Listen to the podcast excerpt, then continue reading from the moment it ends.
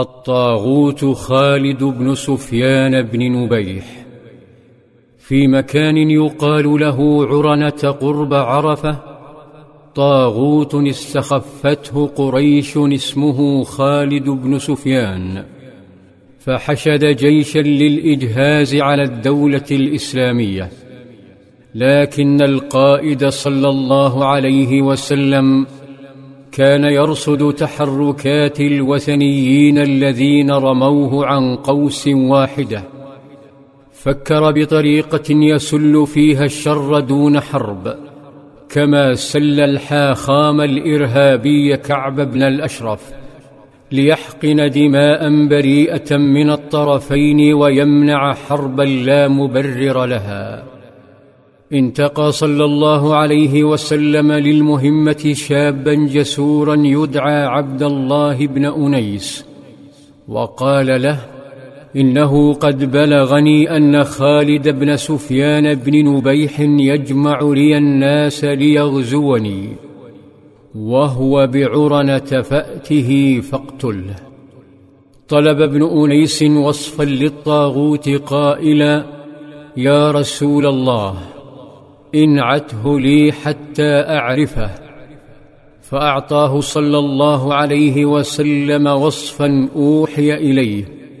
وقال إذا رأيته وجدت له قشعريرة.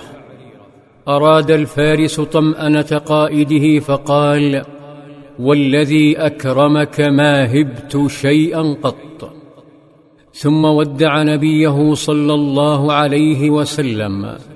وتوشح سيفه وركب ينهب الأرض أياما على حصانه. ولما أشرف على عرنة كانت الشمس تلون واجهات الجبال الغربية تلونها بطلائها الذهبي. تأمل ظله على الأرض فوجده أطول منه مرتين. وهذا يعني دخول وقت صلاة العصر.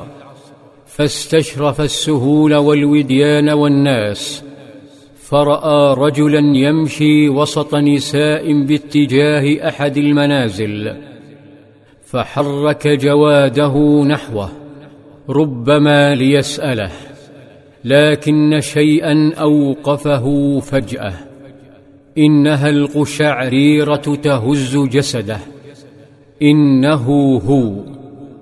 احتار ابن أنيس هل يشد عليه أم يصلي العصر. ثم نزل عن جواده وأمسك بزمامه ومشى. ثم قال بصوت خفيض الله أكبر.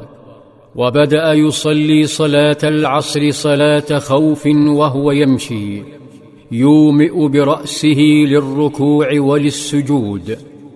ووجهه نحو ابن نبيح لا إلى الكعبة فربه سبحانه وتعالى يقول فإن خفتم فرجالا أو ركبانا. ولما انتهى من صلاته كان على مسافة من الطاغوت الذي توقف فجأة على وقع حوافر الحصان خلفه والتفت وصاح من أنت؟ فطمأنه ابن أنيس بأنه جاء ليشاركه الغزو وقال رجل من العرب سمع بك وبجمعك لهذا الرجل فجاءك لهذا. قال أجل أنا في ذلك. همس عبد الله بينه وبين نفسه. ستعلم. ثم أراد طمأنة الطاغوت أكثر فقال هل من مبيت؟ فأجابه نعم فالحق بي. مشى الشاب خلال موكب النساء مسافة ثم تلفت ولما اطمأن سل سيفه ولم يغمده إلا والطاغية يتلبط تحته. تغطيه خيمة من النساء والعويل والدماء.